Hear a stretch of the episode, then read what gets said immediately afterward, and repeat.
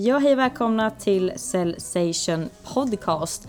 Eh, jag heter som vanligt Emma Wallin och vid min sida har jag med mig Louise Söderqvist. Jajamän! Och idag har vi med oss eh, en gäst vid namn Sofie Källström. Och eh, Louise, vad har vi pratat med Sofie om? Yes, vi, vi börjar, börjar prata med, med Sofie om hennes karriär som egentligen startade inom Hotel Management till att hon idag driver sitt egna bolag Smart Generation Invest. Eh, vi pratar om vad försäljning är för Sofie och vad hon eh, anser sig ha för styrkor inom det och viktiga element att bemästra inom det här. Vi pratar även såklart om hennes bolag som hon har startat, Smart Generation Invest, eh, som jobbar med egentligen att de gör förvärv av företag som står inför ett generationsskifte och hjälper dem med den, med den biten. Kommer in och pratar om den nya generationen, millennials, vad som är utmärkande för den generationen. Ehm, det och med mera. Ja, så, vad säger vi? Vi kör igång va? Vi kör igång. Då kör vi!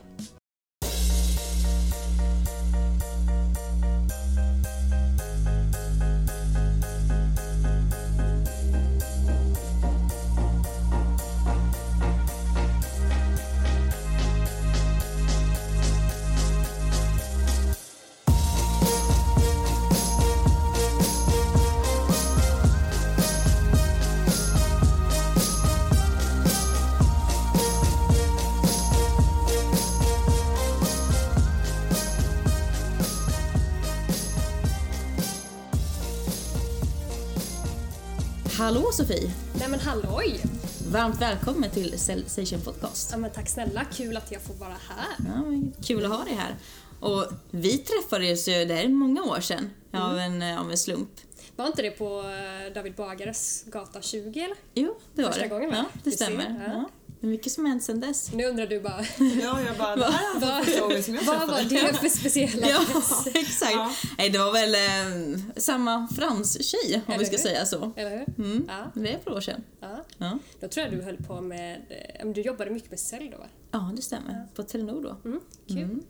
Mycket roligt. Vi, det var ju det vi pratade om. Vi hittade varandra där i väntrummet. ja, exakt. Sälj, liksom. Det var verkligen det. Ja, ja, ja. ja. Jättekul. Vi har haft lite kontakt ja, ja. sen dess. Mm. Så kul. kul att ha dig här. Men eh, för de som inte vet vem du är Sofie, kan du berätta kort om dig själv? Hisspitchen här nu. Ja, nej, men jag Sofie Källström heter jag. är från Oskarshamn, Småland och har bott här uppe i Stockholm nu i snart 9-10 år är det väl i alla fall. Eh, och har väl alltid varit så driven och jobbat och sådär. Men 2015 så bestämde jag mig för att eh, starta en egen koncern som heter Smart Generation Invest och vi sysslar med generationsskifteföretag. Så vi investerar i, som vi säger, mossiga branscher. Eh, och eh, ja, så har vi en digital strategi och en setup för att eh, förvärva bolagen och få tillväxt i dem helt enkelt. Spännande. Vi ska väl berätta mm. mer om, om det sen, ja. tänkte jag. Ja. Yes. Men för att, för att dyka lite djupare in i din, i din karriär, även innan mm. du startar ditt nuvarande bolag. Hur, hur hamnar du där du är idag? Ja, alltså jag började i en blomsterbutik när jag tjatade mig till att få ett jobb eh, och typ bar eh, jordsäckar en hel sommar. Eh, och när jag slutade på det jobbet så var jag, ja men jag skötte mer eller mindre många delar där. Mm. Och eh, sen har jag jobbat inom klädesbranschen. Och jag har jobbat på ICA och massa olika typer av alltså butiksjobb och sådär. Men sen så då för ja, men nio, tio år sedan så började jag plugga Hotel Management. För då hade jag varit på en semesteranläggning i Oskarshamn och kände bara att jag måste ta nästa steg i karriären. Och eh, ville då bli hotellchef före jag var 25. Okay. Så det var därför jag kom till Stockholm från början. Hotellchef alltså? Ja men alltså vi satt ju på så här utbildningen eh, och många som pluggar då efter gymnasiet kanske inte vet exakt varför man pluggar men jag var så här när det kom till mitt, min tur att berätta varför går du på den här utbildningen så var det så här, ja jag ska bli hotellchef. Så. Tydligt. Punkt. Ja men alltså mm. jag, det blev jag ju också men, eh, och det tyder på att det är bra att ha mål liksom. Och sen kom jag upp och så började jag jobba på, jag drev ett eh, hotell i Vallentuna och byggde det från scratch med ett gäng. Jättekul och eh, väldigt utmanande. Men då råkade det ligga på en golfanläggning. Mm. Och jag har liksom aldrig spelat golf och så stod jag uppe på konferensen och tittade på men vad är det för typ av gäster och jag kan ju revenue management. Så jag tänkte bara, men vad fasken, det är ju samma grej egentligen i hotell, eller i golfbranschen som hotellbranschen. Så tänkte jag det här måste vi göra mycket bättre och den här branschen behöver utvecklas och det var extremt mycket män i branschen och eh, kände att nej, men det här måste vi ta tag i. Så så började det egentligen. Sen ledde det till Smart Generation Invest. Så det var egentligen den ägaren där som peppade mig till att starta eget bolag då. Oh, wow. Hur mycket stack det i ögonen på vissa personer i golfbranschen att du kom in där som ung tjej och inte ens spelade golf? Ja, det har jag inte ens tänkt på men det är säkerligen. Men alltså jag tror att det är Ja. min styrka är ju att jag kommer utifrån golfbranschen. Ja. Och eh, jag säger det ofta idag, för jag är fortfarande kvar i ett golfbolag där vi jobbar väldigt mycket med onlineförsäljning och digital försäljning och det är väldigt annorlunda mot den traditionella golfbranschen. Ja. Och jag gjorde faktiskt en research när vi var i USA nu för att jag gick igång liksom. Eh, och kollade styrelser och hur det ser ut. För man har ett jättestort 50-50 projekt inom golfen. Ja. Och eh, de hade dålig statistik. För jag frågade då Svenska Golfförbundet vad, hur ser det ut och sådär i styrelser. Och de här kunde nästan inte svara på de frågorna så då tänkte jag då får jag ta reda på dem själv. Och det var ju så här, genomsnittsåldern är ju liksom 67 år ungefär i styrelsen och det är ju i stort sett 80% som är män då. Mm. Så det är en intressant fråga men jag har Ja. aldrig tänkt på den. Men, Nej, och det, det är så coolt. Så här, det det visar hur orädd du är. För jag tänkte direkt så här, jag bara, gud vilken... Eller gud, alltså, jag kan tänka mig att det är så många män som bara vred på sig där och bara så här, här kommer någon. Vem är du Alltså, som Ja. vill styra och Men så har det säkert varit men jag tror att eh, det är också lite så här. Det är lite vi tjejer i ett nötskal. Vi får ju jobba lite hårdare ibland men hela tiden bevisa då. Och det jag bevisade på var ju liksom mitt sälj. sälj den säljkraften egentligen som jag har, har liksom brunnit för. Mm. Och förmåga att bara ta action och bara göra och få Ja, saker att hända. exakt. Men det var ju så första, för på vintern när jag kom dit så stänger man ju alltid anläggningarna under vintertid. Oftast, inte alla. Men då var det ju, den styrelsen som var då, det var ju ungefär 70 plus skulle jag säga i det läget. Och det var en yngre i styrelsen som var med. Eller yngre, men han var relativt ung mot de andra i alla fall. Men då var ju kommentaren så här, "Ha, vem är hon? Ska hon städa här? Ungefär den Ah, kommentaren. shit. Ja. Ja. Nej, inte riktigt. Och det här är inte många år sedan så att, eh, det har ju förändrats på väldigt eh, kort tid egentligen. Mm. Till det bättre då eller? Ja, till det bättre. Det var ju tur. Ja. Ja. Är det tråkigt att det tar sån tid egentligen med just styrelsearbete? Det är så pass få, få kvinnor. Mm, alltså styrelsearbetena går väl alltså det går ju framåt såklart i golfbranschen men det är ju fortfarande alltså, väldigt, väldigt mansdominerad bransch. Men Sofie, du har jobbat med sälj mm, så, alltså jätte, jättemånga år nu. Och eh, vad skulle du säga är eh, dina styrkor när det kommer till försäljning? Men jag tror att du nämnde ju en av de här. Alltså jag är nog ganska orädd tror jag. Eh, och eh, sen är det så att jag läser oftast på väldigt mycket. Alltså jag gillar att liksom ha vara insatt i produkten. Och när man kan produkten då tycker man att den är så pass bra förhoppningsvis. För man har ju ett hjärta bakom produkten. Det är ofta så man väljer att jobba med någonting. Och eh, när man tycker det så är det väldigt enkelt då tycker jag att sälja produkten. Så att eh, det är väl typ det att jag jobbar bara med produkter och tjänster som jag tycker är bra och som jag tycker är roligt framförallt. Mm. Det är också att, så här, att vara alltså, påläst eh, och ha gjort sin research och liksom känna att man, man, är, ja, men, ma- man vet om vad det handlar om. Det föder ju också en orädsla som krävs liksom, ofta i försäljning. Ja men det där går ju liksom lite hand i hand Ja men precis, för att man känner att så här, ja men absolut. Fråga mig vilken fråga som helst, eller vad jag än får för frågor av den här potentiella kunden så kommer jag kunna svara på ett bra sätt. Och det gör att man går in och är alltså, kaxig behöver man inte säga. Mm, men man, ja precis, man är bekväm. Mm, exakt. Nej, men det är det. Och sen är jag ju en avslutare. Jag gillar ju avslut. Du gillar att stänga affärer? Ja, jag tycker det är superkul. Och det är ju roligt då eftersom att man gillar ofta produkten och man vet att den blir bra för kunden. Och eh, ja, men det blir ju win-win om, det, om man har sålt någonting som kunden behöver. Exakt. Men ändå så är det en grej som folk är väldigt rädda för. Eller folk men personer som jobbar inom sälj. Att Just när det kommer till avslutsdelen. Eh, att det är många är rädda för att faktiskt fråga om affären. Ja.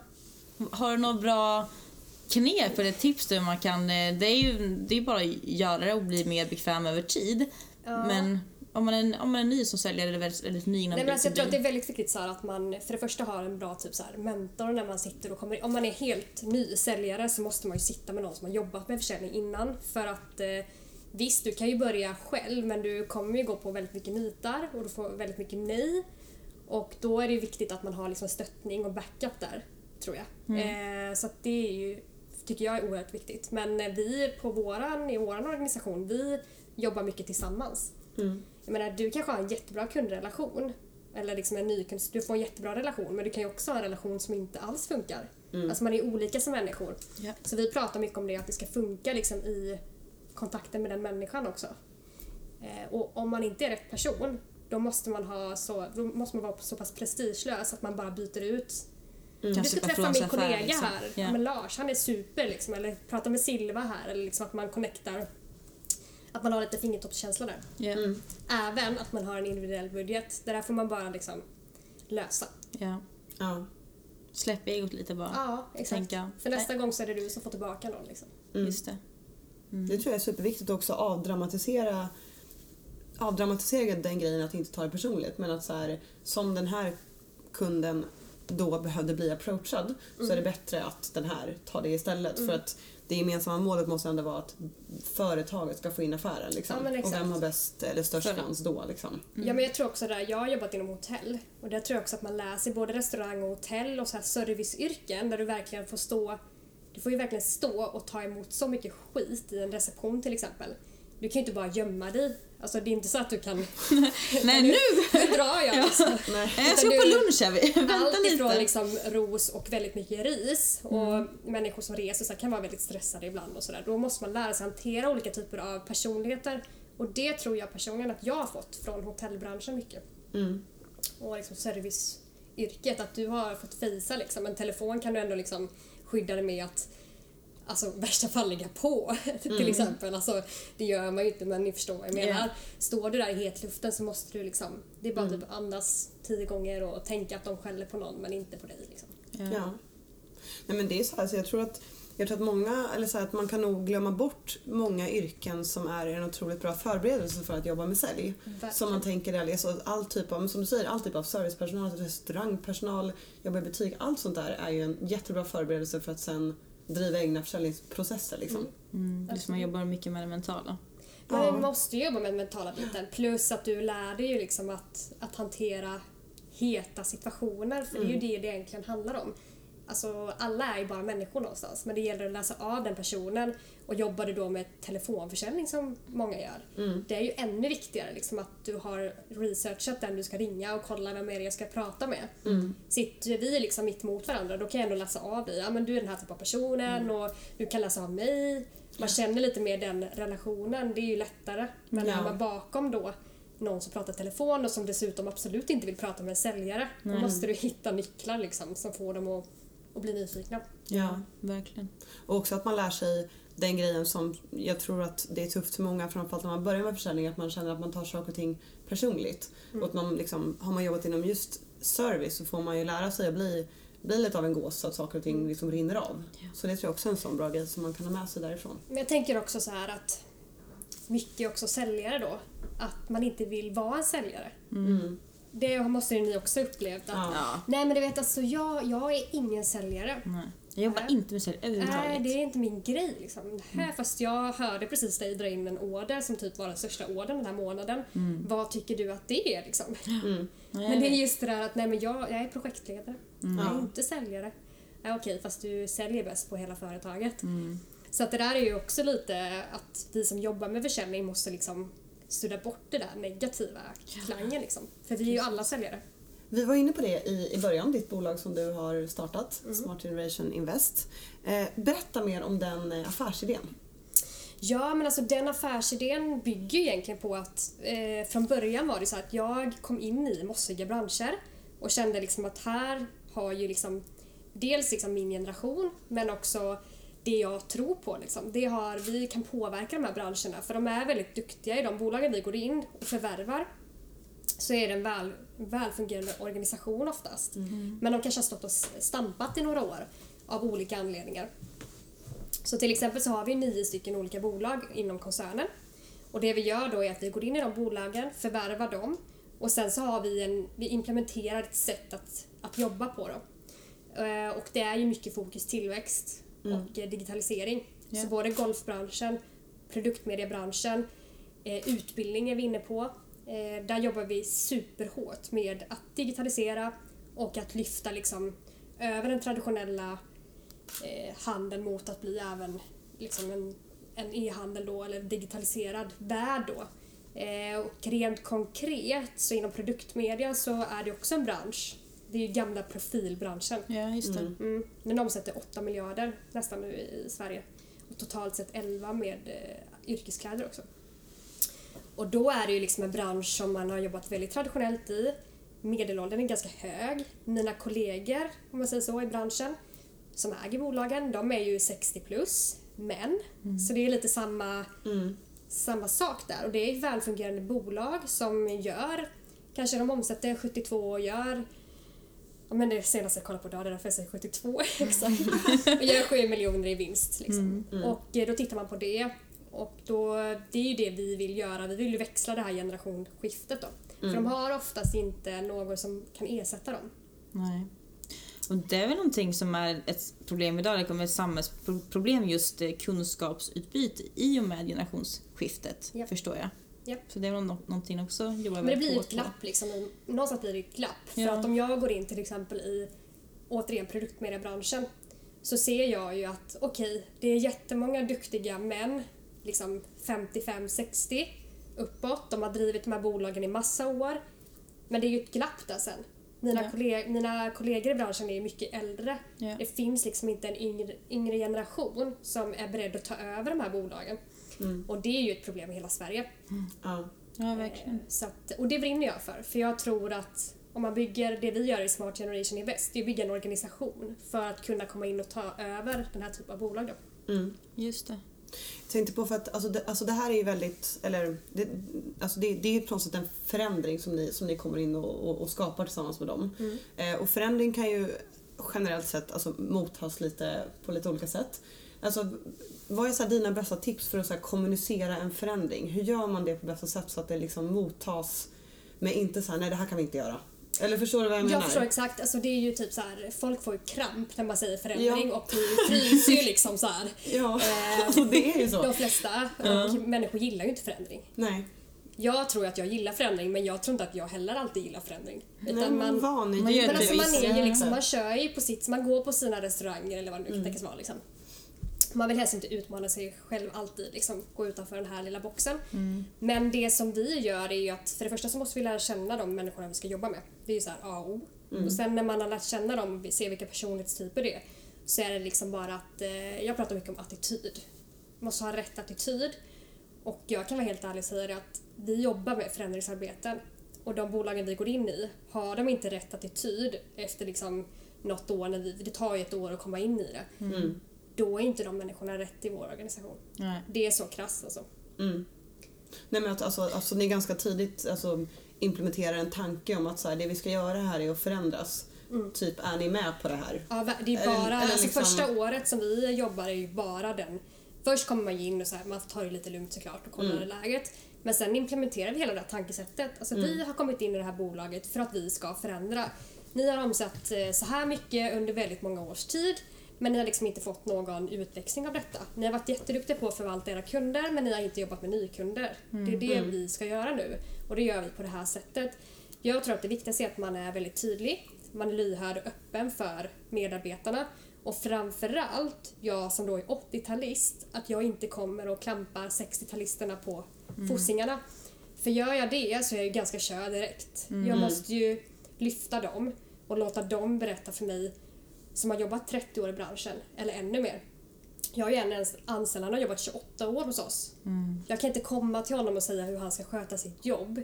Däremot kan vi liksom tillsammans lyfta honom, vi kan utbilda honom och se till att han blir ännu bättre. Men det är ju liksom, vi är ju människor, vi måste ju liksom hitta en eh, bra relation för att få med sig människorna på, På på tåget. liksom. Liksom. Ja, exakt. Mm.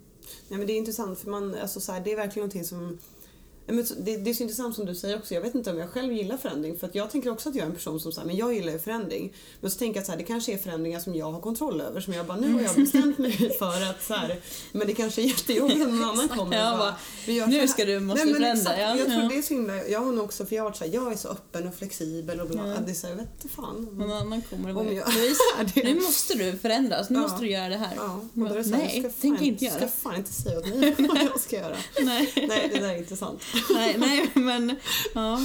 Ja, Och speciellt när det är så pass ja, men som säger, lite mossiga organisationer. Det, är, det är en utmaning men ni gör det och ni gör bra grejer för det behövs ju. Ja, men sen så vill jag så här, för att förtydliga, för det är också så här grejer som jag märkt som är vad är ett generationsskifte? Att personalen kan bli livrädd när vi kommer in och bara nu ska vi in i mossiga branscher och bara alltså ni kanske inte ska säga att våra bransch är mossig för det kan ju liksom ta, alltså vet man är lite rädd sådär men det är ju våran grej liksom att vi går in i mossiga branscher. Det är ganska tydligt för vad vi gör. Eh, men också det här med att generationsskifte betyder ju inte att hej, nu är du över 35, Nej, du exakt. åker ut. Nej. För det kan också misstolkas. Så det Mm. är väldigt viktigt så här, det här med kommunikation. Vad betyder generationsskifte? Jo men för Smart Generation Invest så handlar det om ledningen oftast. Mm. Och att liksom gå över till den digitala världen mer. För vi går in i branscher som inte alls jobbar så. Ja. Ja. Eller det måste ju de vara en extrem... För, för det, problematiken där är väl också att det finns inte heller kanske kompetens när det kommer till det digitala. Mm. Så att det blir på, på flera olika sätt. Det blir utmaning. Dels ett generationsskifte också få in det digitala och Mm. också ha då personer på plats som kan liksom... Förstår jag hur jag tänker? Ja men det är ju de vi har i SGI. Alltså vi har ju ett team som vi har byggt kring så vi skulle kunna gå in i ett rörbolag egentligen. Okej. Alltså VVS kanske det Ja, heter. ja, ja, ja. Ja, ni hattar grejen. Så att vi bygger ju vår kompetens. Jag har ju liksom nyckelpersoner uppe i SGI som vi använder när vi kommer in i nya bolag. Sen, sen är tanken att de ska köra de bolagen i x antal år. Ja, Okej. Och sen, Då. Mm. Yes. Ja, men precis, så, så det handlar inte, för precis som du säger, det handlar inte om att byta ut en generation utan det handlar om att det ska finnas någon där när generationen ska gå i pension. Liksom, eller Ja, försvinna. exakt. Ja. Ja, eller framförallt Yes. de äger, alltså framförallt generationsskifte i, ägar, i ägarstrukturen. ja, precis. Just det. För jag menar, vad händer om ett bolag som har 30 anställda kanske, sen är ägaren har inga planer på att någon ska ta över. Det blir väldigt jobbigt. Alltså, det är en, impla- en implantering, du måste göra den här eh, liksom resan. Du kan inte bara så här en vacker dag bara oj nu, Nej, exakt. Nu är det ingen här som kan ta över och jag ska pensionera mig. Vad händer då? Liksom? Nej, precis. Och en bransch som är väldigt, eh, det är väl industri och tillverkning som Mm. är väldigt eh, utsatt kan jag tänka mig. Att också Jag den... har, läst lite om den för jag har träffat eh, en person som är väldigt insatt i den branschen. Ja, Men jag är för dåligt insatt liksom, för exakt hur siffrorna ser ut. Ja. Men det är ju väldigt intressant. ja. Precis. Mm. Det är många branscher, alltså det finns jättemånga branscher och väldigt mycket så familjeägda bolag i Sverige. Och, och de är också så pass viktiga för Sverige som en export och BNP. Som sagt, det är så pass stora företag som drar mycket utav den volymen. Men det är ett, en helt annan podd kring, kring industri och tillverkning. Ja. Men eh, Sofie, det pratas mycket om den nya generationen och millennials. Så vad skulle du säga är utmärkande kring just den här generationen? Nej, men jag tror att framtiden framförallt tror jag handlar väldigt mycket om eh, att det kommer ske väldigt mycket förändringar för jag tror att den generationen som kommer har andra typer av krav. Eh, medans, eh, och sen blir det beroende på vilken generation man pratar om. För att eh, jag kan uppleva att det är skillnad på 80-talister, 90-talister och så vidare. Eh, och varför jag tycker det... Alltså jag hade ett jätteintressant och spännande samtal med en väldigt duktig eh, person. Hon jobbar som eh, lärare. Men hon är väldigt duktig på att prata om sådana här grejer. Och eh, då, då diskuterade vi just det här, men vad är skillnaden? För hon sa det till mig, men du är så duktig för du vågar säga vad du gör. Jaha, hur, vad menar du? tänkte jag liksom. För jag, bara, jag tycker inte att jag alltid är så bra på det, men okej. Eh, nej men då menar hon bara på att 60-talisterna, som oftast är, det vill säga 80-talisternas föräldrar, inte alltid, men generellt Oftast. ja, Mm. så är det ju så att de har blivit upp, uppfostrade av 40-talisterna. Och 60-talisterna är väldigt rädda för att kanske berätta vad de själva gör och allt det här. Medan vi 80-talister och 90-talister ska vi inte prata om. Vi, pratar, alltså vi, men vi har ju eh, Alltså vi har ett helt annat sätt att kommunicera på idag. Och det handlar nog om, tror jag, att samhället har ju förändrats så mycket. Allt är så liksom tillgängligt och öppet och man följer, alltså det känns som att vi ses varje dag bara för att man följer varandra på Instagram och Facebook Ja. och sådär. Så att jag tror att det är ett helt annat sätt som vi tänker på. Och jag känner ju liksom att menar 90-talisterna, sena 90-talister, känner ju jag mig ibland som ett så här, bara, åh herregud vad snackar de om liksom? För att de, det går ju så jäkla fort så man hänger ju inte riktigt med, man måste ju vara med i matchen hela tiden. Och eh, jag tror att det som kommer förändras mest är att man eh, ser om sitt eget på något sätt. Och Mm. att man vill vara mer rörlig. Man vill inte vara som, alltså min pappa var ju så här, "Ha, ska du verkligen säga upp dig från en så kallad fast anställning? Sådär. Är ni med Just hur det. jag tänker? Ja, Absolut. hellre det trygga lite- för det osäkra. Ja, liksom. och så kände jag så här, men vad är en fast anställning eller, eller tillsvidareanställning då? Mm. Egentligen, vad innebär det? Inte ett dugg egentligen. Nej. Eh, och det tror jag att man mer och mer kommer bort ifrån. Man vill jobba lite mer konsultaktigt och Gig-ekonomi gig, och... ja precis, det blir mer liksom sådana typ av eh, rörliga jobb tror jag framöver. Det upplever jag i alla fall. Man vill kunna resa, man vill bestämma själv, man kan jobba hårt men man vill bestämma själv när, man re- när man jobbar och när man är iväg och reser och så vidare. Men också utifrån ett företag för att just när det går så snabbt. Mm. Kompetensen man kanske måste ha nu Exakt. och då är det mycket lättare att man snabbt, okej vi måste ha kompetensen nu, tre månader och sen inte Ja mer. men det är ju så, spetskompetenser i olika delar och, och i tillväxtresor och omorganisationer. Det är mycket lättare som företagsledare Ja. att jobba så också på ett sätt. Men samtidigt blir den negativa delen tror jag i det här med företagskultur. Det är väldigt svårt att bygga en företagskultur med massa olika konsulter. Mm. Jag vet inte hur ni jobbar men vi har ibland inne konsulter på olika uppdrag och det kan jag känna så här att det är då handlar det om liksom hela rollfördelningen också. För genast det kommer in en annan människa i rummet så har det ju, okej, men vad, då ändras ju rollerna lite. Mm. Ja. An, när man, om man säger att man är tio pers liksom, i ett rum så har man ju ofta stenkoll på vem är det som är på det sättet och vem är på det här sättet. Vem är det som bestämmer och vilka är följarna och sådär. Sätter du in en ny person i det rummet, jag menar, då ändras ju dynamiken helt, helt och hållet. Det är väldigt intressant hur det kommer bli framöver. ja, just det. Det kan vara nyttigt också alltså. Ja, Jag tycker det är kul. Ja, absolut.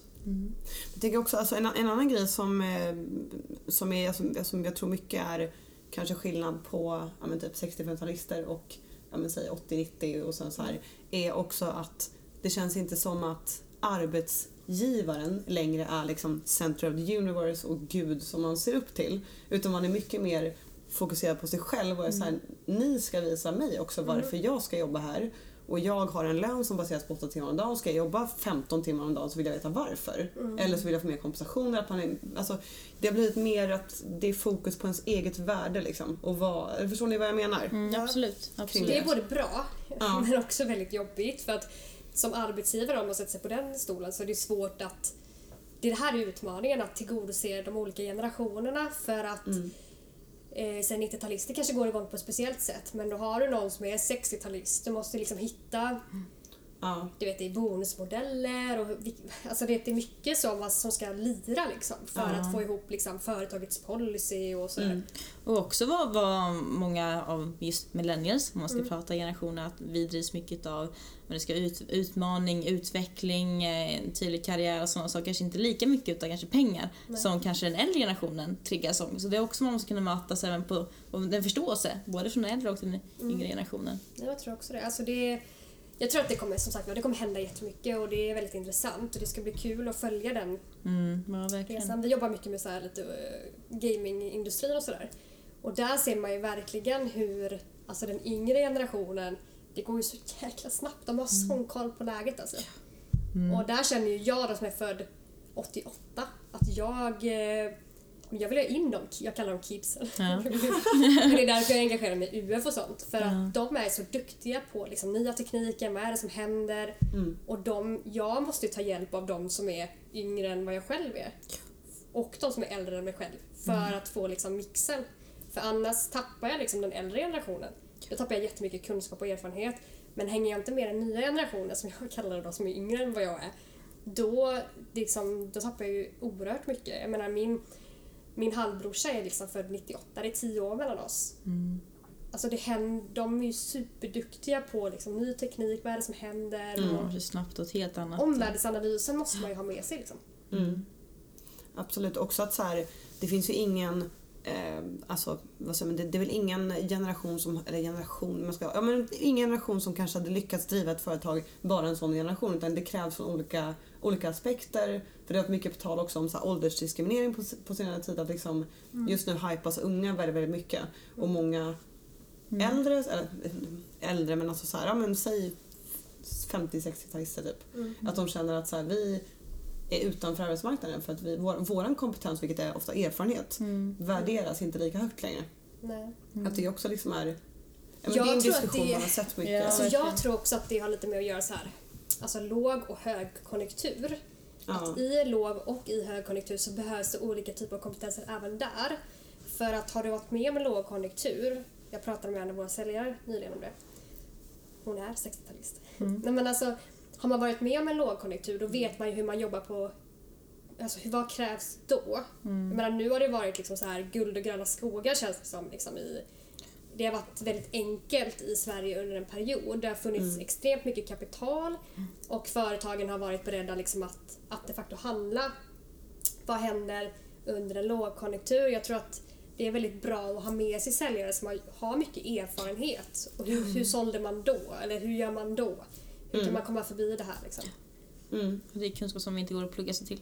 Ja, men eh, faktiskt så. så. tror jag så. Eh, I, de här, I de lägena när det gäller säljet, liksom, att man har Mm. en arbetserfarenhet. Ja. Vi eh, närmar oss slutet, men vi vill fråga dig en sista fråga. Mm. Och det är vem du tycker att vi ska bjuda in som gäst Mm. till den här podden och eh, varför. Jag har faktiskt två. Och den första som jag tycker verkligen eh, borde vara med, det är ju Lena Apler. Jag tycker hon är supercool och superhäftig. Så hon borde verkligen ta den möjligheten att komma och träffa er och berätta om sin story. Men sen träffade jag faktiskt en eh, supergrym tjej här i veckan. Och eh, hon eh, jobbar på ett bolag som heter Ventures och hon heter Amanda Enoksson. Och varför ni ska träffa henne, det är för att hon jobbar ju också i en bransch med väldigt mycket män. Hon jobbar med alltså programmering och utveckling. Men det hon gör det är att hon jobbar med deras startups-del. Det vill säga när de går in och investerar i olika startups så gör hon, är hon med i det gänget och tar liksom beslut kring de delarna. Bland annat. Hon var supertrevlig, driven tjej och det är kul att få den liksom tekniska delen. Det är noterat. Mm, notera det. Grymt. Sofie, stort, stort tack för att du kom och gästade Cellsation Podcast. Tack själva. Tack så hemskt mycket. Ni är grymma. Du, right back All Asha. right back. Precis. Och kära lyssnare, vi hörs igen i nästa vecka med ett nytt avsnitt. Så ha det så bra tills dess. Ha det bra. Hej då!